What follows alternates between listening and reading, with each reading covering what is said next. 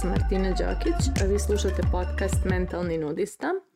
Nalazimo se u epizodi broj 36 i u ovoj epizodi pričam malo o raznim nekim ponašanjima sa kojima se susrećemo sa ljudima oko nas, a koja su često, reći ću, neadekvatna, ali uh, ne baš prijatna, možda manipulativna, um, prosto nekada osjećamo da ljudi pocijanjuju našu inteligenciju kada se ponašaju na određene načine, nekada osjećamo kao da namjerno hoće da izazovu u nama neku negativnu reakciju i u suštini u ovoj epizodi ćemo malo pričati o tome zašto sve to nije ništa lično, odnosno zašto sve ta, sva ta ponašanja i reakcije koliko god se činilo da su upućene nama, nemaju nikakve veze s nama. Naime, svi mi u sebi imamo neke strategije unutrašnjeg djeteta, odnosno neke naše strategije ponašanja koje smo razvili kada smo bili djeca, a koje su bile naš način da se nosimo sa nekim situacijama koje su, u kojima smo se osjećali nemoćno. Jer, jeli, odrasli su bili nadležni nad nama, I kada se desi neka situacija gdje nešto pogriješimo ili gdje e, ne znamo da se snađemo, mi bismo obično pribjegavali nekoj od naših tada strategija nemoći koje su nam pomagale da se izvučemo iz te situacije. Na primjer, da slažemo, ako nešto zabrljamo, slažemo roditelji i tako pokušamo da se izvučemo iz situacije. Ili, na primjer, kada se desi neka e, nepovoljna situacija, nešto zabrljamo, ne uradimo kako treba, znali bismo da mijenjamo temu, da glumimo da smo bolesni e, ili da se stvarno razbolimo kako bismo izbjegli odgovornost ili se zaštitili od potencijalne nevolje. Zatim znali bismo se umiljavamo, da na da razne neke načine da prosto dolazimo do e, izbjegavanja, suočavanja sa tom situacijom zato što nismo bili odrasli, nismo znali kako da tu odgovornost za nešto što se desilo ponesemo i razriješimo i prođemo, da kažem, sa što manje posledica. Prosto, mi smo bili djeca, oko nas su bili odrasli, kada uradimo nešto što ti odrasli ne odobravaju, dešavalo bi se da budemo kažnjeni i prosto da bismo izbjegli kaznu, nalazili smo neke načine koje smo tada imali na raspolaganju da se nosimo sa tim što se desilo. I onda mi odrastemo, a naše strategije ostanu iste, jer nismo prosto naučili na druge a e, ako nismo jeli, malo radili i preslagali to svoje unutrašnje dijete, nama se zadrže te neke strategije ponašanja koje imamo svaki put kada se osjetimo nemoćnima. I onda recimo neko nas e, onako pritisne malo oko neke situacije da suoči nas sa nečim što nam ne prija ili uradimo nešto što, za što znamo da neće prijati nekome ko nam je bitan ili ko nam je autoritet ili koga ne želimo da povrijedimo i onda čim osjetimo tu neku vrstu nemoći nad situacijom nama se pale e, ti programi koje smo razvili kao djeca i i mi krenemo da pribegavamo njima, da se razbolimo, da nešto smuljamo, da nešto promijenimo timu, da se malo umiljavamo, ali prosto nađemo neki način koji je nama jel, provjeren bio kada smo bili djeca, koji upotrijebimo u tom trenutku. Znači da izbjegavamo, da se svađamo, da razne neke načine jeli, imamo, a svi ti načini mogu biti različiti, raznovrsni, raznovrsni, ali nijedan nije asertivan, jer asertivnost dolazi iz odrasle verzije nas i sami cilj rada na sebi je da što više polja našeg života bude upravljano od strane odrasle verzije nas, a ne od strane deteta u nama, što se dešava jako mnogo u mnogim poljima našeg života. I tako se onda desi jeli, da neko u našem okruženju ima tu svoju strategiju da izbjegava neki razgovor, da kao nema vremena ili da, na primjer, e, mijenja temu kada treba nešto da se dogovorite, ili da se razboli, ili da nešto mulja, petlja, ili da se umiljava. Znači, on razne neki načini postoje, I onda mi nekako kad osoba krene tako da se ponaša prema nama, počnemo da se vređamo, da se pecamo na to i da se pitamo da li ta osoba nas smatra glupima, da li ona misle da smo mi budale što, što, kad se tako ponaša prema nama, da li ona misle da ćemo mi da nasjednemo na tako nešto ili ako nam je recimo samopouzdanje na malo nižem nivou u tom nekom polju života, onda ćemo da se preispitujemo da li smo mi nešto nedovoljno vrijedni ili bitni toj osobi pa se ona tako ponaša sa nama. Uglavnom, shvatimo to ponašanje lično. I to je neka naša priroda da kada neko na određeni način nas tretira i na određeni način prelazi naše granice, da mi to doživljavamo kao neki atak na nas, odnosno kao neka,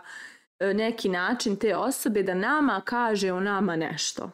A u suštini ta osoba najviše govori o sebi, kao što svi mi svojim ponašanjem najviše govorimo o sebi. I ono što se dešava je da u nekom trenutku kada počnete da primjećujete da je neku osobu zavozalo njeno unutrašnje dijete, vi možete umjesto da se upecate na to i, i vi postanete dijete koje će da reaguje iz djeteta na, tu, na to ponašanje, vi onda možete da uđete u, u, u ulogu odraslog i da se postavite kao odrasli i uh, date rešenje koje je za odraslu osobu, bilo da je to pomjeranje vaše granice na mjesto gdje pripadaju, odnosno komuniciranje osobi na prosto ne želite taj način rješavanja situacije, bilo da je to prekid kontakta, odnosa, šta god, na vama je da iz odrasle osobe nađete šta je vaš, vaš e, kriterijum za takve situacije. I recimo u vezama smo prilično osjetljivi na ovakve stvari i često recimo pogotovo kada s nekim gradimo odnos znamo mnogo lično da doživljavamo i nejavljanja i muljanja i petljanja i svašta nešto. I to s jedne strane jeste lično u, u, da kažem u perspektivi da prelazi naše granice i nije u skladu s nekim našim kriterijima i očekivanjima, I na nama je da odreagujemo u skladu s tim i kažemo mi ovo ne želimo, ali ono što je važno je da ne uzmemo i to ponašanje, koje, taj tretman koji smo dobili od osobe kao prikaz toga koliko mi vrijedimo ili ne vrijedimo. I tako sam ja e, prije par mjeseci jeli, bila u jednoj vezi i uh, moj tadašnji momak uh, ima svoje strategije unutrašnjeg djeteta, a to su da u trenutku kada dođe neka neprijatna tema na, na sto kad se stavi e, i kada se on biva suočen s tim da je uradio nešto kako, na način koji nije ok ili nije adekvatan ili tako nešto, on bi znao da mijenja temu, da mi priča kako sam lijepa, divna i tako dalje, da prosto na neki način pokuša da skrene s toga što, što je neprijatno. I sad neka stara ja bih sjadila tu i razmišljala da ta osoba vjerovatno mene smatra jako glupom i, i, i naivnom ako misli da ću ja da padnem na to ponašanje. Ali ova verzija mene koja zna sve ovo što zna je gledala u tu osobu i razmišljala Bože, kakva je moja strategija unutrašnjeg djeteta i Bože, kako ne umije u ovom trenutku da postupi iz odrasle osobe.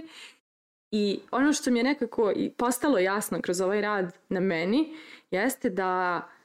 to što sam ja bila preko puta tog momka u tom trenutku samo eto da kažem takva situacija, ali bilo ko da je bio tu preko puta njega i bilo ko da se s njim bavio tom temom koja je njemu neprijatna, svako bi dobio tu istu reakciju, to izbjegavanje, to pokušavanje skretanja se teme, jer je to način osobe koja je preko puta vas. Znači, vi ste samo trigger, neka vaša, jeli, tema ili neki vaš, vaša potreba ili ne, nešto što ste vi tu iznijeli je samo trigger da ta osoba uđe u to ponašanje. Ali to nema veze s tim da li vi njoj vredite, ne vredite, značite, ne značite.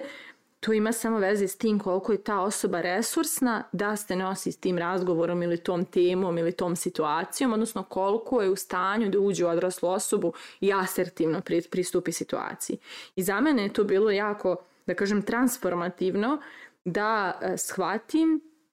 da ljudi zaista rade najbolje što znaju iz tog svog stanja